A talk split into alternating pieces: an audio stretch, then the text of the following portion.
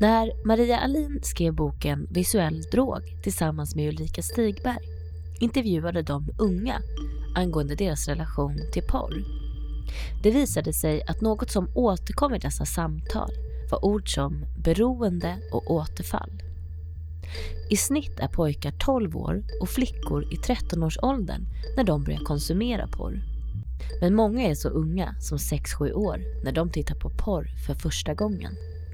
Maria är även generalsekreterare för organisationen Freedom som arbetar för att förebygga människohandel.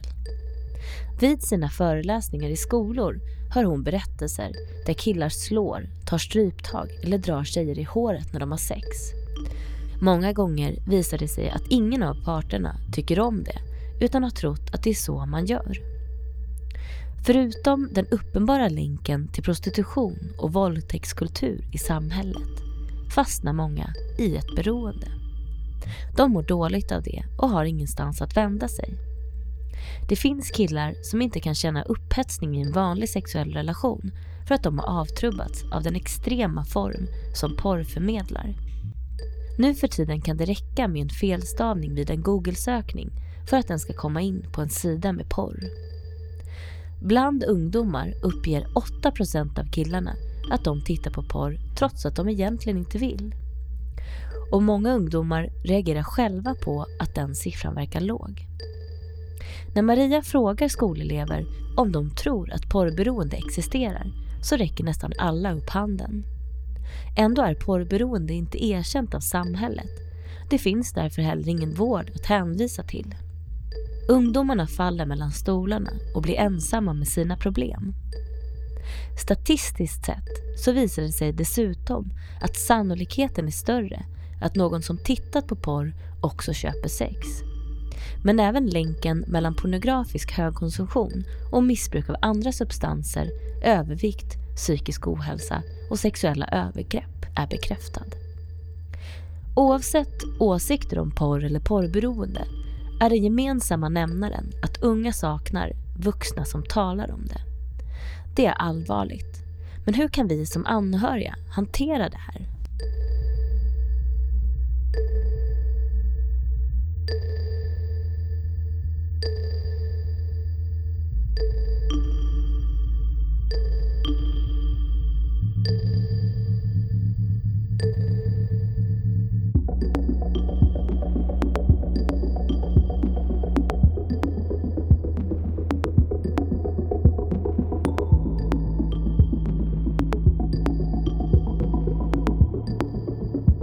Välkommen till Medberoendepodden Maria. Tack snälla. Jag har ju alltid en sån här standardfråga som jag börjar med och det är om du skulle vilja berätta lite om dig själv och vad det är du sysslar med. Mm. Jag heter Maria Alin och eh, jobbar eh, med en ungdomsorganisation som heter Freedom så frågorna då som Freedom driver är liksom övergripande så är det människohandelsfrågor. Och sen så fördjupar vi gärna då eh, i liksom de här frågorna och arbetar också med prostitution, eh, efterfrågan på prostitution. Men också pornografi är en fråga som vi mer och mer har lyft.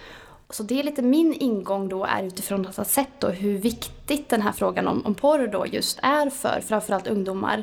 Så utifrån det så kände jag att det också var viktigt att lyfta det här på ett annat sätt. Så då har jag skrivit en bok då tillsammans med Ulrika Stigberg som annars arbetar i Fryshuset och som också är van att arbeta med ungdomar. Så, så min liksom, eh, ingång hela tiden har varit just de ungas perspektiv så, i den här frågan. Mm. Och annars så bor jag i Uppsala och är gift med en man som heter Jonathan som också då jobbar i Freedom mm. med mig faktiskt. Eh, så det är jättekul. Så vi är både gifta och kollegor mm. och det funkar toppen. Eh, och sen har vi en liten valp också hemma som förtjänar att nämnas. Mycket engagemang är ju det som präglar vardagen. Mm. Mm. Boken heter ju Visuell drog. Mm. Vad, vad, vad, tänkte ni med den titeln? Mm, bra fråga. Eh, det var väl lite så här att den titeln föddes nog utifrån eh, vad de, framförallt ungdomar som vi intervjuade, vad de berättade vi lät dem berätta om sina erfarenheter då, framförallt kring den egna porrkonsumtionen, men också kring kanske till exempel en partners porrkonsumtion. Och då märkte vi ganska snabbt att ord som återkom i berättelserna var till exempel nykter, beroende, återfall. Alltså alla de här termerna som vi annars känner igen från eh, annan typ av beroendeproblematik. Det märkte vi också någonting som återkom då i deras berättelser då gällande just eh, porren. Så det var lite, frå, lite från de unga själva så som vi egentligen kom på liksom att det kanske är så här vi skulle kunna prata om den här frågan. Mm. Och vi har också märkt att genom att lyfta det på det sättet så blir det lättare för ungdomarna. Det blir inte lika mycket skuld och skam kopplat till till exempel att vara beroende då. För att man inser att det handlar inte om att jag Eh, har en dålig karaktär eller liksom dålig moral eller så, utan det handlar i så fall om att, eh, liksom en sorts kidnappning då egentligen av belöningssystemet. Så att lite, ett lite mer kliniskt sätt kanske att se på det här eh, kan göra att fler också vågar prata om det. Det var lite så vi, vi tänkte. Den här ingången, liksom, för det här, låter ju, det här var ju någonstans vad ni kom fram till då när ni hade haft alla de här samtalen. Hur kommer det sig att ni beslutade att ni skulle göra det här? Vad hade ni för tanke när ni, när ni kom på idén? Nej men det var ju utifrån, återigen vad de unga faktiskt berättar, att många på riktigt menar att de har blivit beroende av pornografi. Och då kände vi att okej, okay, det här måste vi ta på allvar och vi upplever väl också att det är ett perspektiv som inte fått det utrymme som det kanske förtjänar också. Många gånger historiskt sett när man har pratat om pornografi så har man kanske koncentrerat sig på pornografiproduktionen. Eh, man har pratat om det ut mer utifrån ett sexualpolitiskt perspektiv. Och där kände vi att hälsoperspektivet saknades. Och framförallt också beroendeperspektivet. Och att det kan vara någonting som, om vi lyfter det så, så återigen då så blir det inte lika skam och skuldbelagt just för att porr för många av väldigt naturliga skäl är ett känsligt ämne. Så vi upplevde att det här kan vara en ingång som kan öppna upp så för fler att våga prata om det här. För det är också någonting som vi drömmer om, ärligt talat, när det gäller då hela den här frågan att ett första steg är att vi överhuvudtaget ens bara pratar om det. Så, för vi ser att det är så otroligt många ungdomar som konsumerar pornografi och så vet vi både från vad de unga själva berättar men också från studier att i princip inga pratar med vuxna. Så det här glappet känner vi att det måste vi liksom skapa en brygga så kring. Var det någon överraskning, jag tänker från att då, bara det här som du sa med att det var mycket prat om beroende och sådär.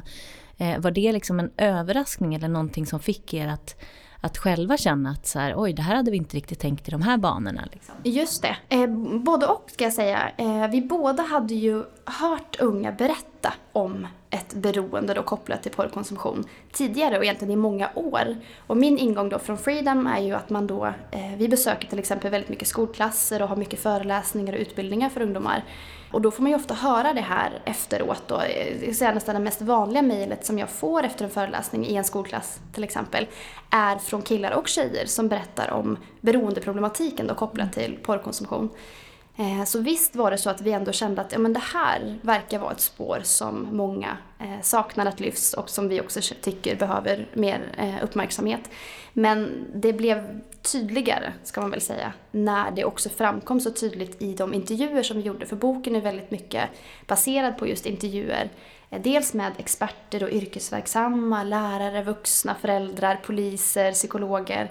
Men också framförallt så med de unga själva, killar och tjejer och så och låtit dem få berätta sina perspektiv. Så att det förstärkte ju, om man säger så, förstärkte och tydliggjorde den tanke som vi lite själva var inne på. Men det blev mycket tydligare. Vi var ju nästan inne lite grann på det, men vad, den här relationen då till, till nätporr, vi kan ju säga porr, men det är mm. framförallt den, mm. den typen av porr vi pratar om. Jag tänker att det inte är lika vanligt med de här eh, porrtidningarna Nej, det var förr i tiden. Exakt, utan nu är det den nätbaserade varianten. Men det jag funderar på, liksom, hur kommer de här ungdomarna i kontakt med porren? Det är ju, precis som du säger, det är ju nätporren som på något sätt är fokus idag och som vi också lagt fokus vid när vi har skrivit boken. Och det är ju då naturligtvis nätet som, som blir liksom inkörsporten så för många unga då, den här kontakten mellan unga och, och porr. Men vad vi märkte som, som eh, vi inte alls var beredda på, eh, som framkom i intervjuerna, det var just att väldigt många unga uppgav skolan som första mötesplats för då dem och, och porr. Så att det var där många såg porr första gången. Att man till exempel såg det i datasalen, att det kanske var någon som satte på någon porrfilm och sprang iväg och skrattade och så. Så det, liksom, det var mycket skämt också kring det då. Men att skolan just var den här första mötesplatsen, det förvånade oss, eh, gjorde det. Det var vi inte beredda på. Men annars så ska jag säga att det är ju ändå då nätet och, och allt all teknik som har nätuppkoppling blir ju också då en möjlig plattform för att den som är ung eh, kan möta porr idag. Och de flesta vet vi ju porrsurfar till exempel via sin telefon. Så att det här att sitta på en dator, en stationär dator och porrsurfa, det skulle jag nog våga påstå är inte lika vanligt som att till exempel porrsurfa via sin smartphone. Mm. Men hur tror du liksom att de hittar in i den här bubblan? Så tänker du pratar ju om att det liksom kanske då syns eh, i skolan. Mm. Någon måste ju på något sätt ha gått in på den sidan och att det sen sprider sig. Vad tror du är det liksom som gör att ungdomarna dras till porren? Jättebra fråga. Jag tänker dels alltså, hur man rent konkret snubblar in på det så. Det verkar vara, det är olika anledningar till varför man vill konsumera porr naturligtvis. Men en ganska stor anledning som vi i grunden tänker är väldigt positivt, det är nyfikenheten att man faktiskt är nyfiken på hur sex ser ut och hur det ska gå till och så vidare. Rent kanske tekniskt också. Mm. Så många uppger ju att men jag ville kolla på porr i början för att jag var nyfiken, för att jag ville lära mig. Jag ville ha sexualkunskap till exempel. Vilket då skulle kunna göra som fingervisning att det här måste vi ännu mer lyfta i skolan till exempel. För att barn och unga vill prata mm. om det här. Sen så är det ju också så att i och med att porren är så oerhört lättillgänglig så är det också så att de som inte självmant söker sig till porren ändå förmodligen kommer snubbla på det. Mm. Eh, och vi skiljer gärna på den här medvetna konsumtionen och exponeringen. Och det vi kan se då är att enligt också svenska studier ehm, så är killar generellt runt 12 års ålder första gången man medvetet konsumerar porr och tjejer är någonstans kring 13-årsåldern. Mm. Men vad vi, märkte i intervjuerna var ju att otroligt många var ju långt yngre första gången man snubblade på det, alltså när man exponerades för det första gången. Och det verkar vara via, det kan vara länkar, det kan vara olika chattforum, det kan vara sociala medier, eh, reklam, man kanske streamar någon film, och så finns det någon annons på sidan till exempel. Så är också alltså felstavningar mm. är ju en ganska vanlig ett ganska vanligt sätt att, att snubbla in på porr idag. Mm. Och det ska man ju också ha klart för sig att porrbranschen, det är ju naturligtvis en industri som livnar sig på att vi konsumerar porr, alltså att det finns pengar med i bilden också. Det är en lönsam industri. Mm. Så tanken också är ju att lägga, egentligen beslag kan man säga, på felstavningar. Så att även den som inte är ute efter porr ska ändå kunna hitta det. Just för att man vet att då har man ju på något sätt kunder, om man säger så, situationstecken, eh, från tidig ålder. Så det, det, är olika ingångar, eh, det kan vara felstavningar, det är att man snubblar på det på nätet eller också den här medvetna, liksom att man söker upp det själv. Men de yngsta där som du pratade om, vad, vad pratar vi om för ålder då? Det vi märkte i intervjuerna var att många var runt 6, 7, 8 års ålder kanske. Mm, faktiskt, första gången de då såg porr. Och då var det inte den här medvetna, nu sätter jag mig här och googlar porr. Mm. Så, utan då var det den här lite snubbla på effekten. Så. Vet du hur liksom sexualundervisningen går till nu i skolan? Jag tänker på min tid så var det ofta att man fick se någon sån här instruktionsfilm som var väldigt så tillrättalagd och, och sådär. Och sen pratade man eh, om kanske skydd och, och, och så liksom. Mm. Men det var, och, och könssjukdomar. Men det var ju inte så, liksom, så breddat. Men det var ju framförallt det. ingen porr med i, i, de samtalen. Nej. Hur ser det ut idag? Det skiljer sig har vi märkt väldigt mycket. Eh, vi har ett avsnitt i boken som vi har kallat för rysk roulette där vi går in på precis det som du säger nu. Eh, där vi har märkt att väldigt många lärare är jätteduktiga och lyfter gärna den här frågan. Och många vet inte alls hur de ska göra det så att då låter de också bli.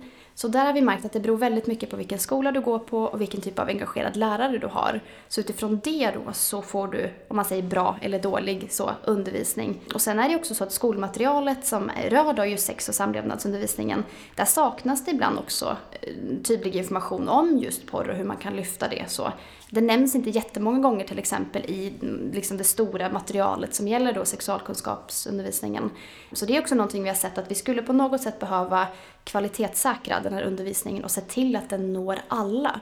Så att inte det då beror på enskilda engagerade lärare. De mm. finns, tack och lov. Men det ska ju inte heller bero på det utan det behöver vara någon typ av konsekvent undervisning som man får oavsett. Eh, sen kan jag också förstå väldigt väl varför man kanske som lärare, om man har studerat och ska bli lärare i engelska till exempel och så ska man helt plötsligt stå där och prata porr med sina elever och också se dem i ögonen dagen efter. Så att jag kan verkligen förstå att det kan kännas svårt och kanske är det så att inte det är ens lärarna som ska behöva ta det här. Utan att man kan bjuda in externa till exempel. Mm. Eller om elevhälsan och ungdomsmottagningarna skulle kunna gå samman och sätta ihop något typ av paket så som man erbjuder. Och det blir ju också väldigt mycket så att det beror mycket på frivilliga insatser. Mycket liksom från civilsamhället. Att det finns olika organisationer, Freedom till exempel, att vi besöker en skolklass. Det är ju jättebra men vi kan ju inte heller täcka upp allt eh, och alla. Så. Nu pratar du väldigt mycket om första kontakten och så, men vad är det som gör, tror du, att de här unga fastnar i, i porren? Mm, liksom? mm. Om man säger till liksom, jag var ju i en skolklass senast i förra veckan eh, och frågade då eleverna på ett gymnasium då, varför tittar vi på porr? Vad tror ni? Och det är olika orsaker som framkommer, till exempel att det är spännande, att man är nyfiken, att man vill lära sig. Eh, men också att man kan tycka att det är svårt att sluta när man väl har börjat för att det är så oerhört belönande. Eh, och jag märker också att många, mm, det sitter lite som tända ljus då ibland i ett klassrum så när man just går in på det här med belöningssystemet och att porrkonsumtion faktiskt frisätter väldigt mycket dopamin. Och det tror jag kan vara en förklaring för många varför de känner det här att de inte kan sluta, om det nu så är så de känner. Eh, men det är olika anledningar. Det kan också vara att man vill dämpa ångest och oro. Eller också så är det så att det är sexuell tillfredsställelse. Man kanske tycker att det kryddar sexuella liksom, så, relationen som man kanske har. Eh, så det är olika anledningar och olika ingångar. Men varför många fortsätter att konsumera pornografi fast de inte vill. Där ser det ut som att det skulle kunna röra sig om ett beroende. Det är mm. någonting vi har ändå identifierat. Mm. Eh, just den här tvångsmässiga konsumtionen. Och det som också slår mig när man hör deras berättelser det är ju väldigt mycket det här att de å ena sidan Eh, inte kan sluta titta, så de tittar väldigt mycket kanske. Men å andra sidan så vill de inte, så de tycker inte ens om porr längre. Så den här liksom känslan nästan av avsky mm. blandat med också naturligtvis känslan av upphetsning då varje gång man tittar på porr. Den konflikten tror jag att vi behöver uppmärksamma och kan säkert också vara svår att hantera om man är 15-16 mm. till exempel. Och så har man ett samhälle som inte ens erkänner porrberoende som en vetenskaplig term idag. Alltså får ju det också konsekvenser för vilken typ av hjälp som erbjuds.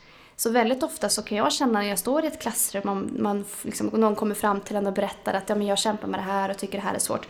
Jag vet inte ens vart jag ska hänvisa, alltid.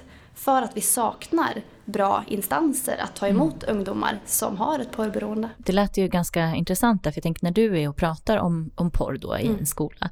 Hur känner du att, att de här ungdomarna hakar på? Är det liksom, känner du att de kan prata om det här offentligt eller är det liksom den här fnissiga, lite osäkra inställningen? Hur, hur upplever du det? Jag upplever det som, eh, de sitter så skärpta och så, eh, ja men som tända ljus. Ehm, jag vågar nog påstå att det är inget som får igång dem så mycket som att prata om just porr. Och det märkte jag också ganska i början så när vi började lyfta porrfrågan i Freedom då, eh, organisationen, så märkte jag att från att vi hade enbart fokuserat på människohandel och prostitution så var det kanske flest tjejer då som blev engagerade. Och så fort vi började integrera porrfrågan, då satt ju killarna där också. Och det var oftast killarna som kom fram efteråt och mm. skickade in mail och skrev på Facebook och så. Och det tycker jag, det hänger fortfarande kvar. Ehm, ja, men som senast då förra veckan i Kungsbacka då på ett gymnasium så var det två olika skolklasser som vi skulle prata om, om porr då med. Och det är ett sånt engagemang. Och de är så kloka och de har så mycket bra att säga. Och jag frågade några också så här, men vad skulle ni säga, hur lång tid tar det att hitta porr idag?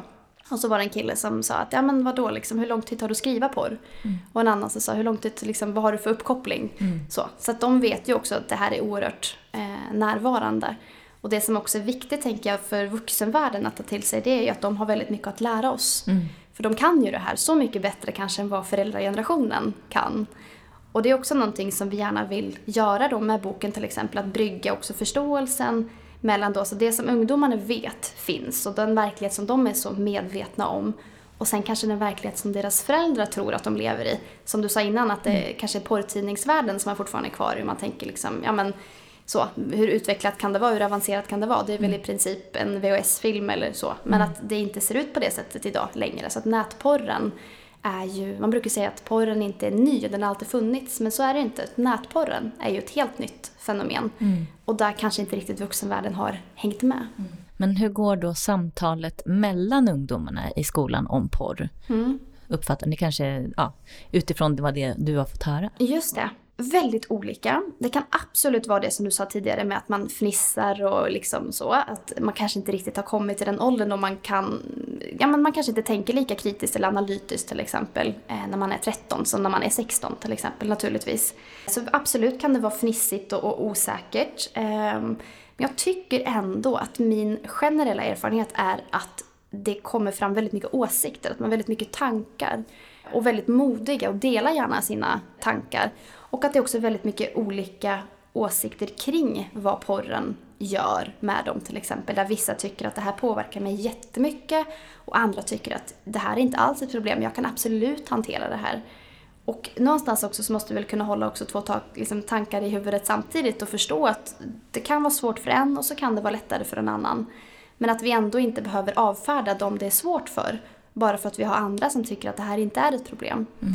Eh, men jag skulle säga att det är väldigt mycket olika eh, åsikter. Men grundinställningen, eller det som jag oftast tar med mig oavsett vad man haft för åsikt, det är att de saknar att vuxna pratar om det. Mm. Och också så, jag brukar ställa frågan, tror ni att porrberoende existerar? Och jag ska säga nästan uteslutande alla nickar på mm. den frågan och tror absolut att det eh, är en, en sanning så. Och väldigt många också pratar ju om att de har en kompis som är beroende. Det kan man ju mm. märka ibland att det kan vara svårare kanske att prata om sig själv. Mm. Så att man istället berättar att men din kompis äh, är beroende. Eh, och jag har också haft många samtal med killar som kommer fram efteråt och berättar om eh, hur eh, yngre, alltså ja, kompisar i deras ålder då, så yngre killar helt enkelt eh, inte får upp den. Alltså mm. Alltså inte kan få stånd helt enkelt. Mm. För att man har konsumerat så mycket pornografi och tändningsmönstret i hjärnan har ändrats och man har lärt sig att det är bara det här som jag tänder på. Mm. Så nu tycker jag det är jättesvårt att ha ett fysiskt samlag med en faktisk person, så min partner till exempel. Det är också någonting som vi mer och mer hör, liksom uttrycket porrimpotens då. Du tar upp många bra poänger som vi ska komma tillbaka lite grann till. Mm. Men hur pratar då vuxna, både jag tänker vänner emellan eller lärare emellan eller så. Och hur pratar vuxna med ungdomarna kring porr? Du sa att det var ganska dåligt, men vad, vad kan du säga om det? Jag måste nästan säga så här att ibland pratar inte ens de vuxna om porr faktiskt. Så det är ju liksom det första, den första utmaningen. så att vi har vuxna som dels inte är medvetna om hur verkligheten ser ut och hur tillgängligt det är och vad också för typ av pornografi som man väldigt lätt hittar på nätet idag. Så dels är det liksom okunskapen och det är ju inte den vuxnas fel utan det är ett generellt samhällsproblem att vi inte har lyft den här frågan och gett vuxna den kunskapen så det är det vi vill göra nu. Men när man lyfter frågan så är väl också min erfarenhet att för det mesta så gör man det på ett ganska bra sätt, absolut. Ehm, men kanske är det så att man skulle behöva lära sig ännu mer att försöka kanske lägga sin förfäran eventuellt då, om man känner så inför liksom hela porrproblematiken så att man mm. lägger den åt sidan lite grann och kommer ihåg att porren är faktiskt vuxenskapad.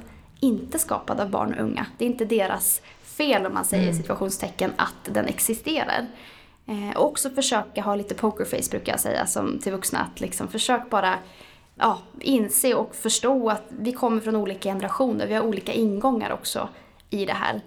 Eh, och att allting inte heller behöver vara jättenegativt om man säger så, utan också förstå att ungdomar på ett väldigt bra sätt kan hantera väldigt mycket. Det visar också mycket studier att de är väldigt duktiga generellt sett på att sålla och förstå och liksom jämföra så med vad som känns rimligt i en verklig relation och så vidare. Men att man ändå som vuxen också har med sig det här med beroendeperspektivet, tänker jag är jätteviktigt. Att man förstår att den jag pratar med nu kanske tycker att det är jättesvårt att sluta. Och att det inte då, som vi sa tidigare, beror på att man är en dålig person med dålig karaktär och dålig moral. Utan att man faktiskt då har ett beroende. Och att det liksom är en kemisk sak som har hänt då. Det tror jag kan vara ett viktigt perspektiv som vuxna behöver ha med sig. Mm. För att inte landa i det här, liksom, det här moraldiket utan mer ha ett hälsoperspektiv på frågan. Mm. Mm. Jag brukar säga att man mentalt kan sätta på sig en vit läkarrock. Mm. Lite så. Så det hjälper en i hur man pratar om det. Just det. Nu jobbar jag med medberoende, beroende och psykisk ohälsa och så. Mm. Och det är ju väldigt fortfarande väldigt skambelagda frågor och så. Men sex känns som det alltid har haft den här liksom obehagskänslan kring sig och att man har svårt att prata om det och så. Vad tror du att det beror på? Oj, vilken bra fråga. Det har jag tänkt jättemycket på också. Ja men det är väl ändå generellt kanske så om man tittar historiskt att samhället har lite signalerat det. Att det är mycket skam och skuld kopplat till sex. Um, Sen tänker jag väl också att det kanske lättare blir så med den delen för att det också är så intimt naturligtvis. Och då kanske det också skapar, alltså det är liksom, har man någon som då redan tycker att det känns lite svårt så förstärks det av att det är också en sån intim fråga eller en intim del i våra liv. Mm. Men å andra sidan kan man tycka att det är konstigt just för att det kanske också är det mest naturliga i våra liv. Varken du eller jag hade ju funnits här om inte några först hade haft sex. Så att det är ju det mest naturliga men också kanske ibland det mest känsliga. Så att jag har funderat jättemycket på det där mm. hur, hur det kommer sig. Eh, men jag tycker väl ändå att Sverige då, jag är ursprungligen från Norge mm. Eh, och jag jämför oftast då debatten mellan Norge och Sverige och ser hur vi liksom ligger an. Och jag kan tycka att Sverige är väldigt i framkant gällande bara allmänt att prata och diskutera sex och samtycke och relationer och attityder, sexualitet.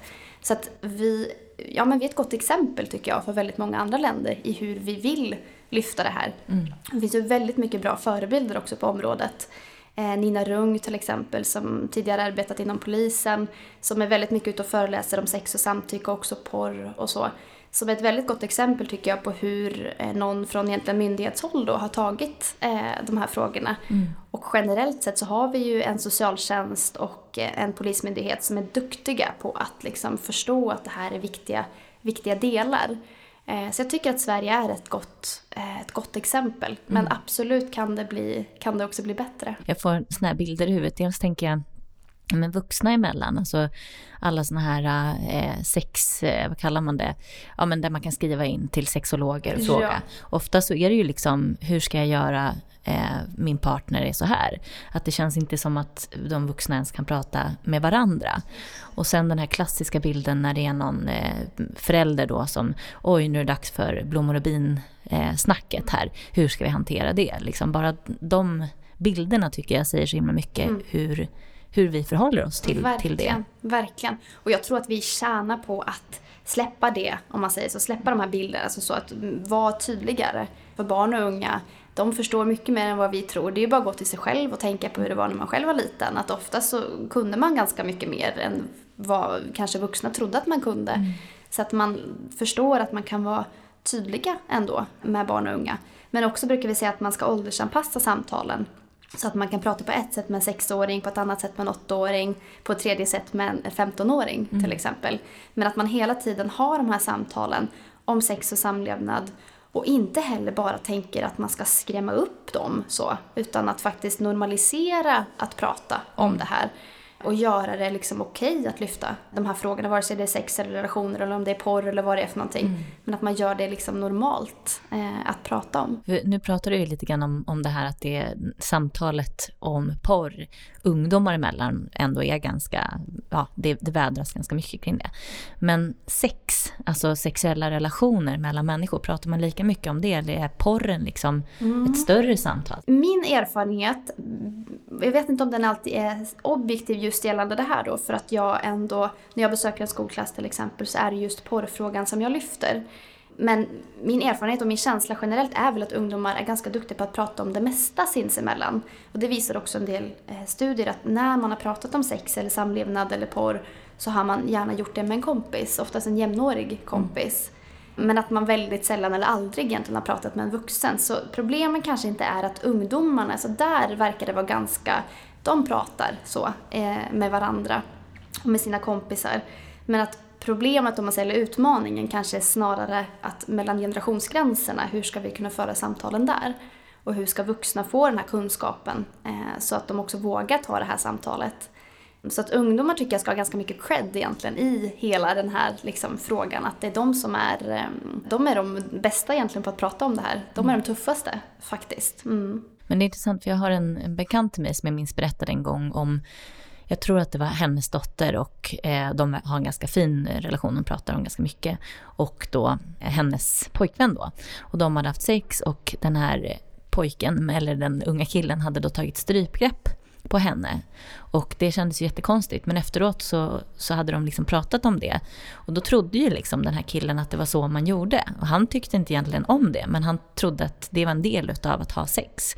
Och att båda de hade den här konstiga bilden av det. Tror du att det är, är det en konsekvens av att, att man liksom pratar kanske mer om porr eller tittar mer på porr än att liksom prata om, om sex mellan personer. Så. Mm, just det. Jag kan bara säga, liksom, det där, det som du berättar nu är ju någonting som jag hör väldigt ofta, mm. eh, tycker jag. Och vi har också flera exempel i boken på exakt det som du tar upp där. Eh, och då skulle man ju kunna leka med tanken att den personen som eventuellt strypgreppas då blir ju en sorts medberoende då, om man ska använda de här termerna. Mm. Och får på något sätt ta konsekvenserna liksom i, i steg två här nu då. Ehm, så att det tänker jag är jätteviktigt, ett viktigt perspektiv att lyfta. Och vi har väldigt ofta det just att man utsätts för saker som man inte hade samtycke kring egentligen och som man inte hade pratat om. Och när man i efterhand kanske pratar om det så inser man att vänta lite, det här kommer ju faktiskt ifrån porren. Mm. Uh, och då är det frågan, eller så här, då tänker jag att då är det viktigt att man inte tänker att i det här fallet då så är tjejen offret och killen the bad guy. Utan kanske är det så att de båda lite grann blir ett sorts offer om du förstår mm. vad jag menar. Uh, för vilken bild porren har presenterat. För killen försöker ju kanske bara göra det skönt för tjejen. Så han tror väl där att liksom, det är ju det här som hon vill så att jag gör så här. För så här har jag lärt mig att det ska vara. Så att det blir nästan lite naivt eh, i det här försöket att göra väl och så blir det, blir det så fel. Mm. Så jag tänker att i det här så är det viktigt att vi på något sätt ställer oss på hans sida också, om du förstår vad jag menar. Mm och inser att kanske är det så att han har konsumerat porr sedan han var tio år gammal, ja men då kanske inte det är så jättekonstigt att han trodde att det skulle vara på det här sättet. Mm. Men då behöver ju vi på något sätt lyfta att vänta lite, ska det vara på det här sättet? Och visst, det kan det väl vara, men då får ju båda också vara med på det. Då behöver man och jag pratat igenom det innan, då måste det finnas ett samtycke. Och i det här fallet som du berättade, då fanns det inget samtycke. Och väldigt många sådana historier får jag också höra, där det inte fanns ett samtycke. Som till exempel Sara som är med i boken, som berättar om precis det som du lyfter, just att hon i sin relation med vad enligt henne är då en porrberoende person eh, utsätts för saker när de har sex. Och det är stryptag och det drar i håret och de här klassiska liksom, porrscenerna. Så. Och det, som sagt, det är liksom ingen värdering i vilken typ av sex man vill ha. Det får man ha hur som helst. Men det måste finnas ett samtycke och man måste ha pratat igenom det. Och frågan är hur rättvist det är mot dagens ungdomar. För många då så blir den enda sexualkunskapen blir det som porren lär mm. ut. Vi vet ju att för många så blir porren en sorts första sexualkunskapslärare. Och vi vet också att det första som vi lär oss, det kommer vi att ställa allt annat emot och jämföra. Så har vi först fått lära oss på ett sätt och så kommer skolan och säger att det kan också vara så här. Så kommer vi ändå ställa oss lite mer kritiska mm. till det sista. För att vi kommer jämföra det med det som vi lärde oss först. Och då måste vi också ställa oss frågan, vad är det porren lär oss? Nu vet vi att till exempel mainstream-pornografin kan innehålla ganska mycket fysisk och verbal aggression. Där kanske de mest typiska fysiska aggressionsuttrycken liksom, är att till exempel bli strypt eller bli dragen i håret eller bli slagen med, med handflatan till exempel. Och att när det gäller verbal aggression kan det vara en del, alltså primärt kränkande ord då, eh, som används. Så att vi behöver nog ställa oss frågan okej, om porren nu är den här första sexualkunskapsläraren, vad lär den våra mm. barn och unga? Då tänker jag, liksom, nu jobbar ju du också med prostitutionsfrågor och så. Det är ju ganska tydligt att, den, det sa du också nu, liksom, att porren som finns är ofta ganska förnedrande mot kvinnan och att det finns den här liksom, maktskillnaden kvinna och man emellan i, i just eh, heteroporr i alla fall antar att du kan se då länken mellan att det här påverkar givetvis eh, vår, jag tänker våldtäktskultur och prostitutionsproblem, eh, eller problemen, prostitutionen mm. liksom och sådär. Mm. Varför tror du att den här att det är så populärt med den, den eh, maktskillnaden mm. i, i porren. Och är det det här som mm. du ser mm. som blir resultatet av det? Bra fråga. Eh, du ställer så mycket bra frågor här. alltså det där är ju också väldigt intressant. Är det, det blir lite hönan eller ägget. Är det så att det finns en kultur i samhället som har skapat den här typen av porr så? Eller var det porren som skapade kulturen? Det finns ju väldigt mycket olika åsikter kring. Eh, några teorier är ju just det här att när porren då kom på 50-60-talet sådär på riktigt med Playboy och Penthouse och Hustler och de här tidningarna. Då finns det då vissa teorier som hävdar att porren på något sätt gått parallellt med populärkulturen och sen spilt över då in i media, in i, eh, i musikvideos, i fitness, i reklam och industrin, eh, i filmer och allt möjligt så. I låttexter till exempel så att det liksom ja, enligt vissa teorier då så är det porren som på något sätt var det här första så, som spillde över och påverkade vår kultur. Som vi då sen igen vet eh, påverkar oss. Det är naturligtvis så att vi påverkas av det vi ser. Det är liksom inte fråga om saken. Annars hade ju inte företag lagt ner så oerhört mycket pengar på reklam till exempel. Om man trodde att inte du och jag köpte det som vi såg. Mm. Och där blir det också intressant att se, är det så att porren har influerat vår reklamindustri till exempel? Man kan ju också fråga sig varför ska en bild som ska sälja parfym till exempel, varför ska personen i fråga inte ha kläder på sig? Och varför finns det vissa reklambilder från stora klädmärken och modemärken där man i princip har initierat eh, gruppvåldtäkt mm. för att kunna sälja kläder? Och samma sak också när det gäller de som ska framträda och sälja sin musik. Varför ska man ha på sig inte kläder alls i princip för att sälja musik, alltså någonting du gör med din röst. Så. Utan att enlägga en värdering och säga att vi inte ska få klä oss hur vi vill, det är inte det jag menar. Utan bara att kunna ställa den här frågan. Um, så att visst är det väl så också att vi, som sagt, att vi påverkas av det vi ser. Och då kan man ju också fundera på vilken typ av effekt får det på det som du nämner med mm. prostitution och med människohandel. Där det finns en del studier tillbaka till 70 80-talet som hävdar att det finns samband mellan då att konsumera pornografi. Och sen så finns det då en statistiskt sett högre sannolikhet att man faktiskt går ut och köper sex. Mm. Sen betyder inte det att alla som kollar porr kommer gå ut och köpa sex. Det är inte heller det vi kan dra för slutsatser. Men att det här sambandet finns. Mm. Och i så fall, om det är fallet, aha, men då har vi ju en hel generation nu som uppenbarligen enligt studier konsumerar väldigt mycket porr. Mm. Om det då är så att det faktiskt spär på efterfrågan på sexuella tjänster, Alltså att fler människor kan tänka sig att gå ut och köpa sex. Då får vi en ökad prostitution. Alltså får vi fler människor som behöver sälja sex. Mm. Vilket vi vet kan vara väldigt skadligt, både för samhället och för individer. Och prostitution är ju det uttryck som människohandel för sexuella ändamål tar. Alltså får vi hela den lukrativa verksamheten och illegala mm. handeln då med människor med hallickar och människohandlare som kommer in i bilden. Så att dels är det ju en fråga, alltså porrkonsumtion är en fråga om individer, absolut, men det är också en strukturell fråga mm. som faktiskt då rör, kan röra en hel stor brottsproblematik. Så att jag tänker att för Sveriges del så kan det också vara lite intressant mm. att sätta in i det sammanhanget. För att vi har ju varit så tydliga och så i framkant när det gäller just prostitutionsfrågan. Vi var först i världen med att få sexköpslagen till exempel och många andra länder som tagit efter. Så att har vi varit tydliga i den frågan så tror jag att vi absolut kan inkludera eh, porrfrågan och också lyckas med det. Som du sa, den här vad, vad som är hönan och ägget liksom. För den här maktskillnaden och, och kvinnosynen och, och synen på män också eh, har ju den har ju liksom varit etablerad ganska länge om man säger så. Men det jag tänker är att porren eh, känns som att det går till sådana extremer och att det liksom blir bara värre och värre för att det blir någon slags, ja men lite som du pratade om, att man blir som, ja men mättad så att det liksom inte riktigt får samma effekt med den här vanliga klassiska liksom missionärsporren så att säga. Eh, till att det liksom blir då, som du sa, kanske strypgrepp och, och, och på, den, på den nivån. Liksom, värre och värre. Och där tänker jag liksom att det är en sak att unga då till exempel kollar på porr, men också hur porren ser ut i sig. Liksom. Kan man på något sätt förändra det? Kan, det, kan liksom samhället göra någonting åt hur, hur porren ser ut och, och vad, som, vad som är så att säga lagligt okej. Okay. För det är ju också så att, att misshandla någon är ju inte lagligt. Liksom.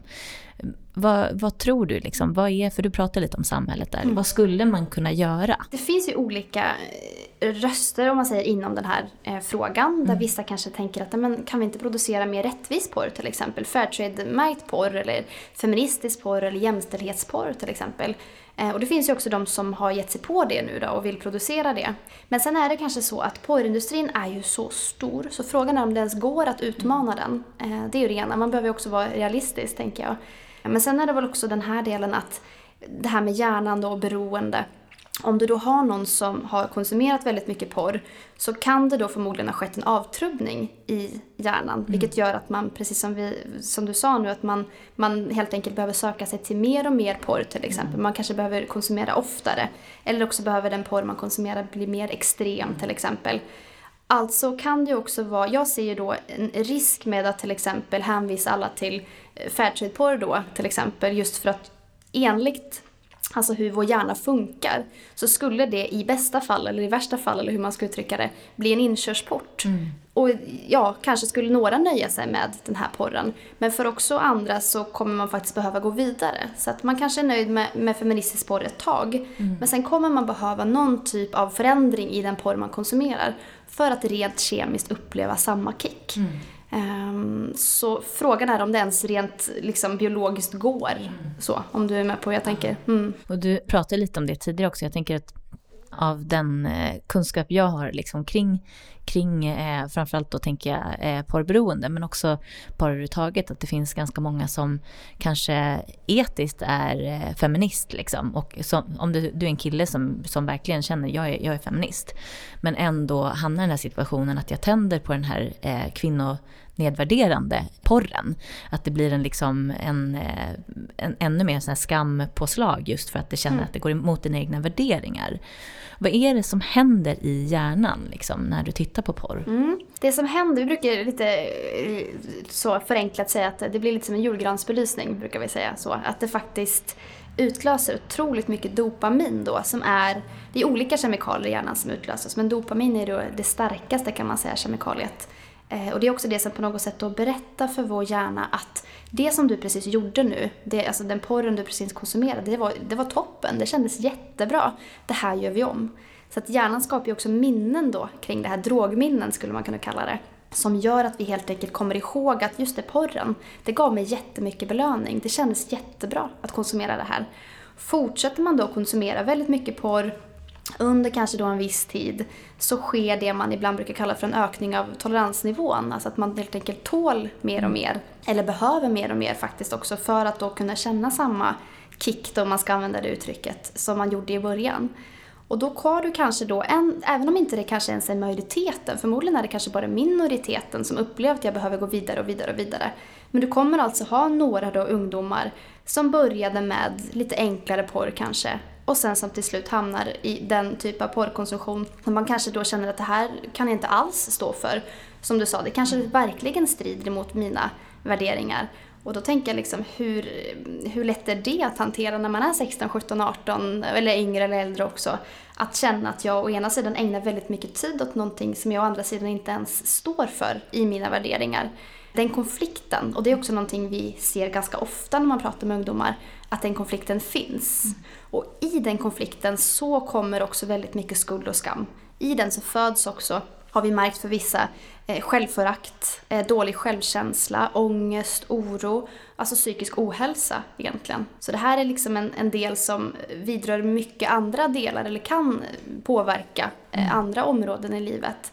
Och också sett att för vissa kan det också handla om en typ av ångesthantering att konsumera mycket pornografi. Och men som sagt också den här, den här skammen och skulden kring att även gå runt med ett beroende som man inte pratar om. Och som inte heller samhället erkänner. Att känna att jag är 15-16, jag tror att jag är beroende av det här men jag har inte ens hört någon lyfta det här så att kan det egentligen vara så? Jag kanske inte är beroende. Och så får man kanske höra i olika sammanhang, porrberoende, det är bara trams, det finns inte den också konflikten tror jag, mellan att å ena sidan känna, men för mig är det här ganska verkligt. Mm. Men å andra sidan höra röster som säger att nej det här liksom finns inte, du ska inte känna på det här viset. Så jag tror att vi gör våra ungdomar en tjänst om vi faktiskt berättar för dem att jo men så här kan det faktiskt vara. Så att du är inte en dålig person om du har fastnat i det här. Och känner du att det är på det sättet så är det verkligt för dig. Att ta ungdomarna på allvar. Det är intressant där också tycker jag att, att de ungdomarna som du eh, pratar med, att de verkar vara så, så medvetna om beroendeproblematiken kring det här. Men varför är porr så beroendeframkallande? Det är ju så otroligt belönande att se människor ha sex, om man säger. Och det är också extra belönande när vi ser människor som är upphetsade. Eh, det blir liksom ett ytterligare påslag kan man säga med dopamin. Och sen är det också så att vissa studier hävdar att det är, framförallt för killar då, så är det per individ som man tittar på i porren ger det här påslaget. Och vi vet ju att med porren så kan du se väldigt många människor ha sex på väldigt kort tid. Mm. Alltså blir det väldigt mycket så påslag då eh, med dopamin. Och det är ju också någonting som i grunden är väldigt positivt. Alltså sex är ju någonting som är tänkt att liksom, dels ska det vara skönt och vi ska njuta av det. Men det är också tänkt att vi ärligt talat ska få barn och, så att arten människa fortlever. Och det är ju hela liksom, grundtanken med belöningssystemet är ju att belöna oss när vi gör någonting bra. Mm. Men vi vet ju också att det kan kidnappas så som man lite slarvigt kan säga då. Så mm. det kan kidnappas av antingen eh, faktiska liksom, fysiska substanser, till exempel droger, alkohol, cigaretter. Eller också av beteenden. Till exempel sexberoende, porrberoende, spelberoende, arbetsrelaterat beroende och så vidare. Träningsnarkomani och så vidare. Så att, ja, men vi vet ju då att sex är kanske det mest belönande som du och jag kan ägna oss åt. Mm. Just för att det i grunden är så oerhört positivt. Så att vi har ett citat i boken, jag kommer inte ihåg exakt ordagrant, men det är från Lars Olsson som är läkare då, professor i eh, neurologi då, expert på beroendeproblematik vid Karolinska institutet i Stockholm. Och han säger att det är lite grann som det handlar om då med porrberoende är ju att det på något sätt har kidnappat det mest fina som finns. Mm. Så att man har ju tagit det här sexet då som i grunden är så oerhört positivt och sen så har det på något sätt skett liksom en sorts kidnappning av det och en förvandling av det här som var så fint då. Mm. Så. Eh, och han är också väldigt tydlig och säger ju att porrberoende skulle kunna vara ett beroende, precis som alla andra beroenden. Så. Och vi ser ju också då vikten av att vi faktiskt kommer till skott här, för att använda uttrycket så, och mm. erkänner porrberoende och gör det till en faktisk vetenskaplig medicinsk term för att vi då också ska kunna erbjuda behandling till mm. de som kämpar. Det är ju också ganska vanligt att har du på något sätt skapat det här beroendebeteendet så, så brukar det kunna generera att du kanske går vidare in i att du börjar kanske prova droger eller fastna i andra missbruk eller beroenden. Eh, kan, är det någon sån länk du kan se genom den, mm. eh, det ni har erfarit så att säga? Mm. Vi tar ju upp en del studier i boken, eh, svenska studier där vi faktiskt går igenom precis det du lyfter nu, att det alltså finns samband mellan då den som konsumerar väldigt mycket pornografi, alltså man kallar det för högkonsumenter då i studierna, mm. så kan man se att mellan högkonsumenterna så finns det samband mellan att då ha liksom mer erfarenhet av till exempel att ha begått sexuella övergrepp mot andra, större erfarenhet av eh, drogmissbruk, större alkoholkonsumtion, eh, mer fetma, stillasittande, psykisk ohälsa och då är det primärt depressivt slag som man har räknat in. Och en rad olika också faktorer då som man ser sambandet mellan högkonsumtion av pornografi och de här olika delarna. Så det här är någonting som potentiellt påverkar på många olika områden och inte heller bara då själva liksom beroendet utan att det också får konsekvenser för, som du säger, alltså det psykiska måendet men också eventuellt det fysiska om man då faktiskt ärligt talat inte får upp den. Hur kul känns det mm. så med sin partner till exempel att behöva liksom trassla med, med det så tidigt. Mm. En kille som jag pratade med för några veckor sedan som berättade att han skulle börja på Viagra. Han var 18 för att han inte kunde få upp den längre. Och sen också den här delen med att, att sambandet då mellan att ha begått eventuellt sexuella övergrepp mot andra. Vilket vi är väldigt tydliga i Sverige på vad vi tycker kring och vi har mm. jättemycket kampanjer och massa organisationer som jobbar jättemycket med det här för att liksom minska övergreppen. Mm. Eh, men å andra sidan så kanske vi har någonting som spär på då eh, möjligheten för övergrepp. Så att om inte vi på något sätt tar tag i den här problematiken vid roten, om man ska använda det liksom bildliga språket så, så kommer vi kanske heller inte alltid att lyckas. Mm. Så. så vi måste på något sätt börja, börja där det börjar. Och att då ett första steg är att prata eh, om den här frågan. Att sitta så här till exempel som du och jag gör nu och lyfta det här. Jätteviktigt. För det jag tänker också, det är ju lite grann att jag pratar ju mycket om beroende i podden. Och där finns det ju ofta eh, att du har liksom redan den, du kan ha genen men det kan också finnas miljöpåverkan som gör att du, att du tenderar att utveckla ett beroende. Och då tänker jag att beroenden kan ju ta sig uttryck på många olika sätt och där är ju givetvis tillgängligheten någonting som, som påverkar och porr är ju uppenbarligen väldigt tillgängligt för väldigt, väldigt många. Men när ni pratar med folk, kan ni se någon länk mellan miljö? Alltså hur ser hemsituationen ut? Är det någon som kanske blir utsatt för mobbing i skolan? Eller vad, vad kan du säga om det? Mm, jättebra reflektion där. Det som jag tycker är så, det har jag tänkt väldigt mycket på själv också. Det som, är, det som skiljer sig nästan lite när det gäller porrberoende, till exempel alkoholberoende, är ju att det är mer tillgängligt för fler personer, om man säger. Alltså det är ett mycket längre steg. Om jag ska gå ut och dricka så behöver jag liksom ha pengar. Jag behöver gå någonstans, jag behöver köpa alkoholen. Är jag under 18 så behöver jag få någon annan att köpa ut åt mig. Alltså det är ett mycket längre steg. Jag behöver dricka ölen, jag behöver vänta på effekten, jag behöver dricka mer och så vidare. Porren å andra sidan är ju tillgänglig för, som du säger, vem som helst, när som helst mm. egentligen. Du kan vara sex år gammal och bara så stava fel på någonting och så hamnar du på porr. Så det är liksom den stora skillnaden. Så där tänker jag att Absolut är gener avgörande för huruvida du, eller kan vara avgörande för huruvida du utvecklar ett beroende eller inte. Men den här konsumtionen, den verkar ju ske väldigt mycket också beroende på miljö då. Just för att det är så tillgängligt. Mm. Så att allt du i princip behöver är antingen en kompis som har sett det här eller en skoldator som inte har filter, vilket de flesta skoldatorer inte har idag faktiskt. Eller så behöver du en iPhone i princip med internetuppkoppling och där liksom, då är du check, då kan du konsumera porr. Och i och med att det är så oerhört belönande så är det inte heller så att det tar så lång tid att utveckla eh, det här beroendet. Och vi vet ju också att chansen för att utveckla ett beroende är ju större ju kortare startsträcka det är, om man säger. Från liksom handling till belöning. Mm. Och som jag sa tidigare då, att bli liksom full på alkohol, det tar längre tid än att bli full, om man säger så, på att konsumera porr. Mm. Så jag tror vi har en ibland kanske större utmaning faktiskt när det gäller porr. Just för att vi inte har reglerat det på något sätt. När det gäller alkohol till exempel, alkoholkonsumtion, så har vi ju åldersgränser och vi har systembolag och vi har liksom en ordning kring mm. det. När det gäller porren har vi ju ingenting. Det löper ju fortfarande fritt, eh, amok höll jag på att säga. Mm. Och eh, något som vi gärna lyfter är att till exempel i skolmiljö så måste vi ha filter på skolans nätverk. Att skolan inte är till för att porrsurfa utan där ska du plugga, du ska lära dig och få bra betyg. Det är liksom poängen med skolan. Inte att konsumera porr. Och det kan också vara ett sätt för de som faktiskt inte vill kolla porr, att hjälpa dem mm. att få slippa det helt enkelt. Om man känner att man inte, att man inte vill det. Och precis då som att vi har åldersgräns på alkohol eller på cigaretter så behöver vi faktiskt ha en åldersgräns också på porrkonsumtion.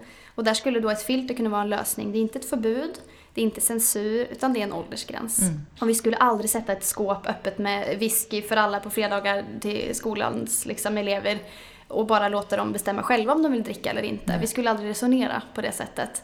Men när det gäller just porren så resonerar vi fortfarande på det sättet. Men jag tänker att det är det går att, att, att, lösa. Så att det gäller ju att vi pratar om det och lyfter det så att fler får mm. veta. Mm. För då kommer vi också komma liksom, till den tanken att just det, måste vi också åtgärda det här, göra någonting åt det. Mm. Så att, och det är, pågår ju diskussioner på olika nivåer i samhället kring just filter.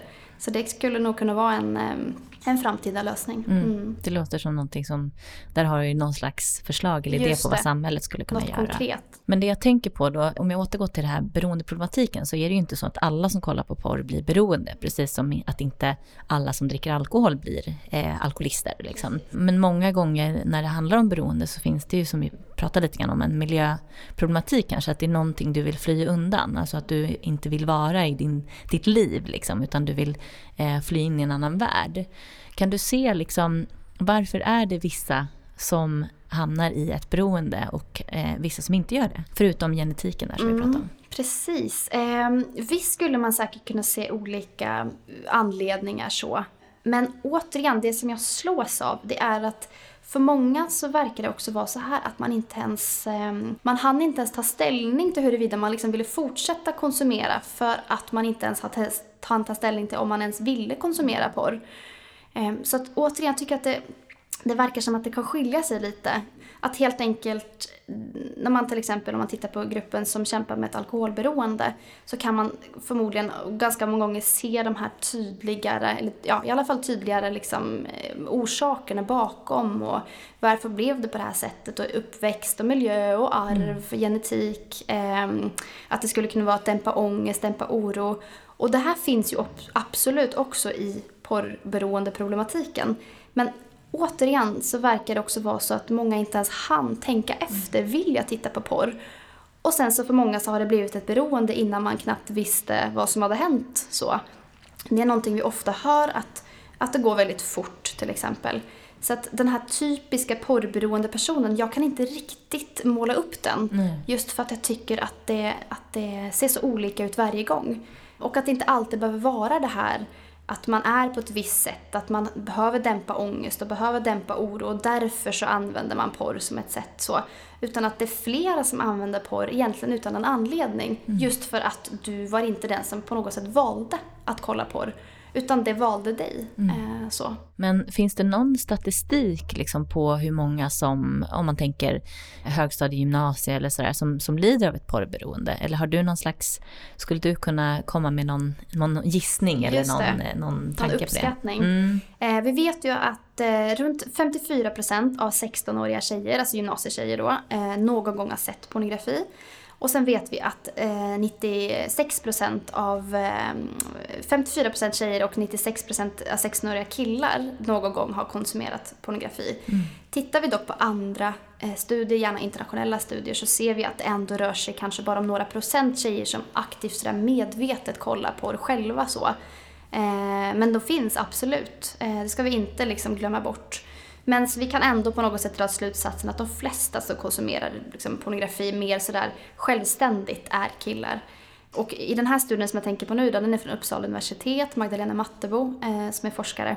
Hon hittade att 8% av de här killarna uppgav att man tittade mer porr än man ville. Mm. Sen vad det egentligen står för den här siffran, det kan vi faktiskt inte uttala oss om ännu. Vi kan spekulera. Eh, och jag brukar ta upp den här siffran i, i, klassrum och senast då, som sagt förra veckan, så drog jag upp den här siffran och frågade dem vad tror ni att det här står för? Och det är ganska uteslutande alla i princip som säger att beroende står mm. det för. Och väldigt också, en väldigt vanlig reaktion som jag får på den, på den siffran just är att den verkar låg, mm. säger de. Mm. Jag var i Amsterdam också för några veckor sedan och det var precis samma reaktioner där från ungdomar. Att 8% det måste vara mer, mm. säger de. Så ja, precis. Man, det är svårt att uttala sig och jag tänker att det är väl också där som forskningen har en sån stor möjlighet nu då framöver att faktiskt undersöka hur många är det som faktiskt har drabbats av beroende. För de som vi har träffat, det är ganska många som då berättar mm. eh, om det här. Och någonting som också är ganska typiskt det är väl att det tar lite tid innan man upptäcker att man är beroende. Just för att det är så vanligt att så många konsumerar porr. Mm. Så att man kanske inte ens har hamnat i, i den liksom, tiden och så i sitt liv där man ens har testat att vara utan porr. Utan man konsumerar det och det är väldigt många runt en som konsumerar det och det känns väldigt liksom, det här ska jag göra på något sätt så. Mm. Eh, för många också kan det handla om grupptryck till exempel. Det är varför man fortsätter också att eh, konsumera pornografi. Så att man kanske inte ens märker att det har utvecklats till ett beroende förrän man faktiskt försöker sluta. Mm. Det är ganska vanligt att vi får höra det. Men vilka skulle du säga är de största negativa konsekvenserna av ett porrberoende? Ja, alltså bara det att ha ett beroende i sig är ju inte kul. Det vet den som har haft ett beroende eller kanske har någon i sin närhet som har eller har haft ett beroende. Att det i sig är väldigt svårt så för en människa att hantera. Och eh, tanken på något sätt med vårt belöningssystem då är ju inte att vi ska vara beroende.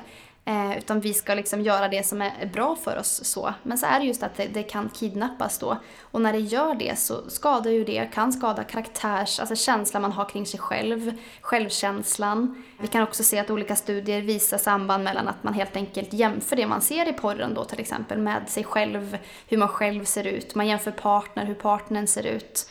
Eh, nu är det också en del kvinnokliniker som gått ut i media och berättat just att man ser en ökning av unga tjejer som söker sig till dem för intimkirurgi. Mm. Alltså att man vill göra om hur man ser ut där nere då för att man har fått influenser och då verkar det vara media, vänner och porr då som är liksom de här primära eh, influenserna så som mm. man har fått eh, den här bilden ifrån då hur man tycker att man borde se ut. Mm. Andra konsekvenser är ju attitydpåverkan, finns det också en del studier Eh, och jag ska vara tydlig och säga, det råder alltid olika åsikter kring studier så. Men det finns studier, om man tycker att det här är intressant, så finns det studier som eh, hävdar att porrkonsumtion spär på sexuellt aggressiva attityder. Eh, som i sin tur är attityder som man hittar hos den som begår ett sexualbrott till exempel. Så då har man kanske det sambandet då mellan porrkonsumtion och sexualbrott. Men också i, i relationer, som du sa tidigare med den här tjejen som blev strypt. Vad gör det med din sexuella relation till exempel? Så att det här får ju, kan få, det har liksom potentialen att inverka på relationer, sexualitet och attityder och sen den här beroendeproblematiken som naturligtvis inte hjälper någon. Mm. Eh, så, och som också får konsekvenser då för psykisk ohälsa till exempel. Vilket också är ett område vi brinner jättemycket för i Sverige idag. Mm. Och jättegärna vill liksom jobba mot eller för eller hur man ska säga. Så att, att inkludera porrberoende i diskussionen om psykisk ohälsa tror jag är A och O. Nu är det här Medberoendepodden och det känns ju oundvikligt att på något sätt inte titta på föräldrarna som mm. just när vi pratar om unga eventuellt porrberoende då. Hur tror du att ett medberoende skulle kunna se ut som om du är förälder då till någon som, som lider av ett porrberoende, mm. ungdom? Då skulle man kunna titta på, man skulle kunna jämföra med till exempel spelberoende då. Eh, det vi väldigt ofta får höra från föräldrar med barn som har spelberoende det är ju den här ständiga oron över ett extremt stillasittande, över att man förlorar kanske sina sociala eh, relationer, att de försämras, att man inte har samma kontakter som tidigare. Att kanske skolan får ta stryk, betygen får ta stryk, eh, fritidsintressen får ta stryk. Så att det tänker jag skulle nog kunna tillämpas på just då eh, som anhörig om man säger till någon som har ett porrberoende att mm. man kanske oroar sig för samma saker. För väldigt ofta hör ju vi från den som har utvecklat ett beroende att man faktiskt försummar annat. Alltså man försummar skolan, läxor, kompisar, fritidsintressen Och att det naturligtvis blir någonting som förälder då så oroar dig ju då eh, såklart för ditt barn och du vill att det ska gå väl för, för han eller hon. Så att vara orolig för att det som är viktigt i en sån tid, alltså tonårstiden, att det försummas tänker jag eh, blir ju ett sorts medberoende. Att man kanske försöker eh, ja, men liksom hjälpa till här helt enkelt och styra upp det igen. Och att det kan vara väldigt svårt om man kanske inte har förstått att det ens handlar om ett beroende. Att man kan lägga på kanske skuld och skam på sig själv till exempel och så. Att man, ja, att man, jag tror det är viktigt att man inkluderar beroendeperspektivet från början och inser att det kan handla om det här. Mm. Bara ha det i bakhuvudet att kanske är det så att min son eller dotter har ett porrberoende.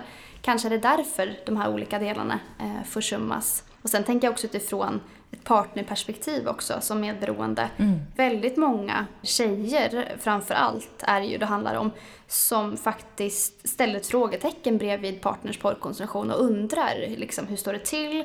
Väldigt många känner ju också så är det så att han eller hon inte tänder på mig längre? Vad gör jag för fel? Man kanske jämför sig med det man ser, man försöker vara till lags, man försöker ställa upp på saker som man kanske kände att jag vill egentligen inte här men jag tror att det förväntas av mig och så vidare. Så att det har nog, den här medberoende aspekten tycker jag, den är väldigt intressant.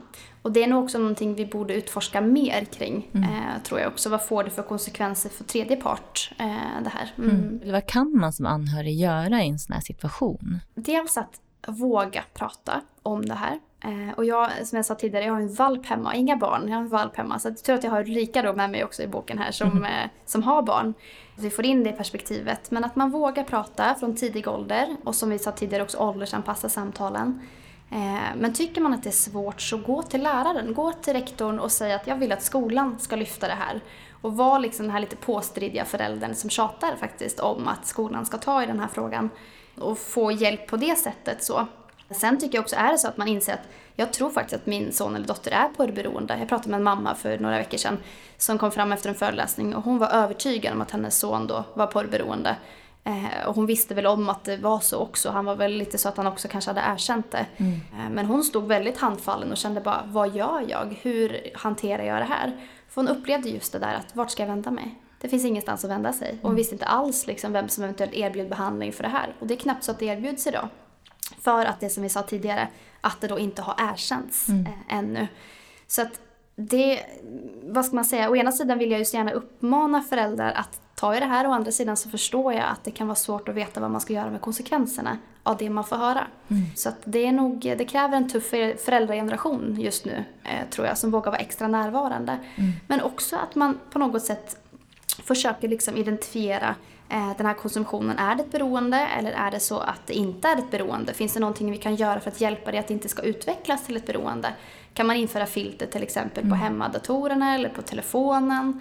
Finns det liksom olika tekniska lösningar man kan liksom eh, så ta till för att eh, förebygga? Men att man hela tiden kommer ihåg att det att prata om det gör inte att det blir värre, mm. utan snarare bättre. Det visar ju all forskning att det vi lyfter, det eh, förbättras så.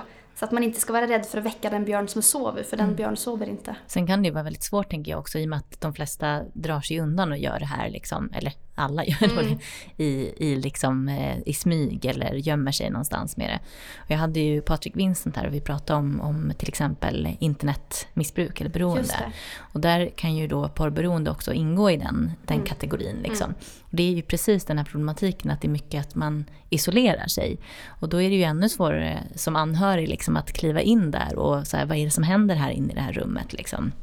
Och sådär. Mm. Men finns det någonstans, någon instans, någon eh, terapeut eller någon, eh, vad ska man säga, någon inriktad eh, behandling som ändå skulle kunna passa mm. lite bättre än andra för eh, de som lider av ett porrberoende? Finns det till exempel ett, ett amerikanskt program som heter Fortify, Fortify som har ett tre månaders program, ett onlinebaserat tre månaders program eh, på engelska där man kan signa upp sig och så kan man gå en typ av en reboot, så, en avvänjning, liksom, en, en behandling så eh, på nätet där man ska avstå från att onanera och från att konsumera pornografi i tre månader för att kunna liksom, få tillbaka det man hade innan man blev beroende.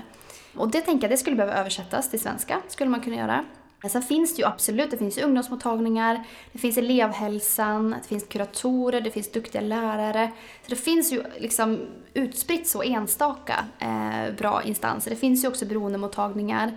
Till exempel på Beroendecentrum här i Stockholm eh, så finns det ju läkare som annars arbetar, men då är det främst med vuxna då som man arbetar med sexberoende då. Mm. Men där man också har inkluderat porrberoende. Så visst finns den, men det är fortfarande lite för svårt att hitta. Och jag kan tycka att vi behöver nog ha hjälpen mer tillgänglig, lika tillgänglig som porren är, om inte mer. Och sen så behöver den vara nätbaserad tror jag också. Jag tror att det är lättare för den som är ung att få hjälp online och kanske få chans att gömma sig lite bakom en dator till exempel, eller en iPhone. Så att man inte behöver sitta i en ring och räcka upp handen och säga hej jag heter Thomas, jag är porrberoende. Mm. Jag tror inte det kanske är helt i vägen så för just ungdomar. Men det är, om vi ska identifiera ett behov, om det är någon som känner sig manad att uh, styra upp någon mm. sån onlinebehandling så tror jag att det är jätteviktigt och, och välbehövligt. Vad kan man göra för att, alltså mot, man säger motsatsen till det här är ju på något sätt att hitta en, en sund sexualitet, en, en, att våga vara intim, eh, människa till människa och inte objektifiera på samma sätt liksom. Vad kan man göra för att leda in ungdomar mer i den eh, riktningen? Mm. Och även som ungdom, vad kan jag göra för att liksom, eh, vad ska man säga, bryta av min, den, här, den här synen på sex som att det har att göra med porr? Att sex är detsamma som porr. Liksom. Har du några tankar kring det? Mm, absolut. Dels är det ju sexualkunskapen i skolan, om vi skulle kunna styra upp den lite så att den blev mer jämn överlag så. Eh, tror jag skulle vara jättebra. Och sen att vi också, när man till exempel tänker som förälder att man ska vara närvarande i barnens liv så är det ju inte idag bara att vara närvarande i hur hade du i skolan eller vad gjorde du på stan utan vad hände på nätet? Att man alltid inkluderar det och förstår att nätet är nya skolgården eller nya Drottninggatan i Stockholm. Så det är liksom lika, lika mycket människor som rör sig där om inte fler och det är lika stor risk för saker och så vidare och så vidare. Så att man hela tiden har med sig det. Och en, en, fråga som vi brukar ge, eller en uppmaning som vi brukar ge till föräldrarna är att man kan ställa frågan vad är det, eh, absolut vad är det värsta du har sett på nätet, vad är det läskigaste, men också vad är det bästa? Vad är det roligaste? Vad är det mest fantastiska som du har sett på nätet? Att man heller inte hamnar i liksom teknikpaniken så och nu ska vi stänga ner internet utan att man bara vågar lyfta olika sidor och istället också för att kanske alltid fokusera på det här är risken och det här är fel så kan man precis som du säger fokusera på men vad är det som är bra då? Och i ett klassrum till exempel som lärare kan man ställa frågan istället för att säga liksom, vad är fel med porr kan man säga vad är bra sex? Och låta dem också vara med och definiera vad är bra sex? Vad, hur vill du att det ska se ut? Eh, samtycke till exempel är ju ett nyckelord där och det framkommer också väldigt ofta när man pratar med ungdomar att de också vill ha samtycke mm. naturligtvis. Så att man inte bara fokuserar på det som är fel utan också försöker stärka upp och förstärka det som redan är bra. Och heller inte hamnar i diket att nu är vi emot sex här, nu är vi sexfientliga. Nej, vi är sexpositiva. Så, det är ingången. Inte att vara emot en hel massa delar utan faktiskt också vara, vara för goda relationer. En, en, liksom en, en schysst sexualitet med samtycke. Och sen får vi liksom ställa oss frågan, kommer porren att ge oss detta eller inte? Är det porren som garanterar våra barn och ungas eh, liksom, schyssta sexualitet med samtycke? Ja eller nej? Det, liksom, det får på något sätt vara eh, ingången. Så. Jag tror vi låter det bli sista ordet. Mm. Tusen tack Maria för att du var med i Medberoendepodden. Tack själv. Tack. Det här avsnittet spelades in innan den hemska attacken på Drottninggatan i Stockholm. Vi vill sända all kärlek till offer, anhöriga och drabbade av den fruktansvärda händelsen. Det är mycket viktigt att alla som mår dåligt tar hjälp för egen del. Vårt mående är inte mindre värt för att någon annan har det värre. Mår du dåligt behöver du hjälp. Vill du veta mer om Maria och hennes verksamhet samt var du kan kontakta henne så kan du gå in på www.freedom.se eller www.visuelldrog.se. Boken finns i de flesta bokhandlar. Läs den Gå in på vår hemsida för mer information om medberoende och var du kan vända dig. www.medberoendepodden är adressen. För att bli först med våra avsnitt kan du via iTunes prenumerera på podden. Och om du tycker om det vi gör får du gärna betygsätta oss där för att fler ska kunna hitta Medberoendepodden. Glöm inte att följa oss i sociala medier. Sök på Medberoendepodden.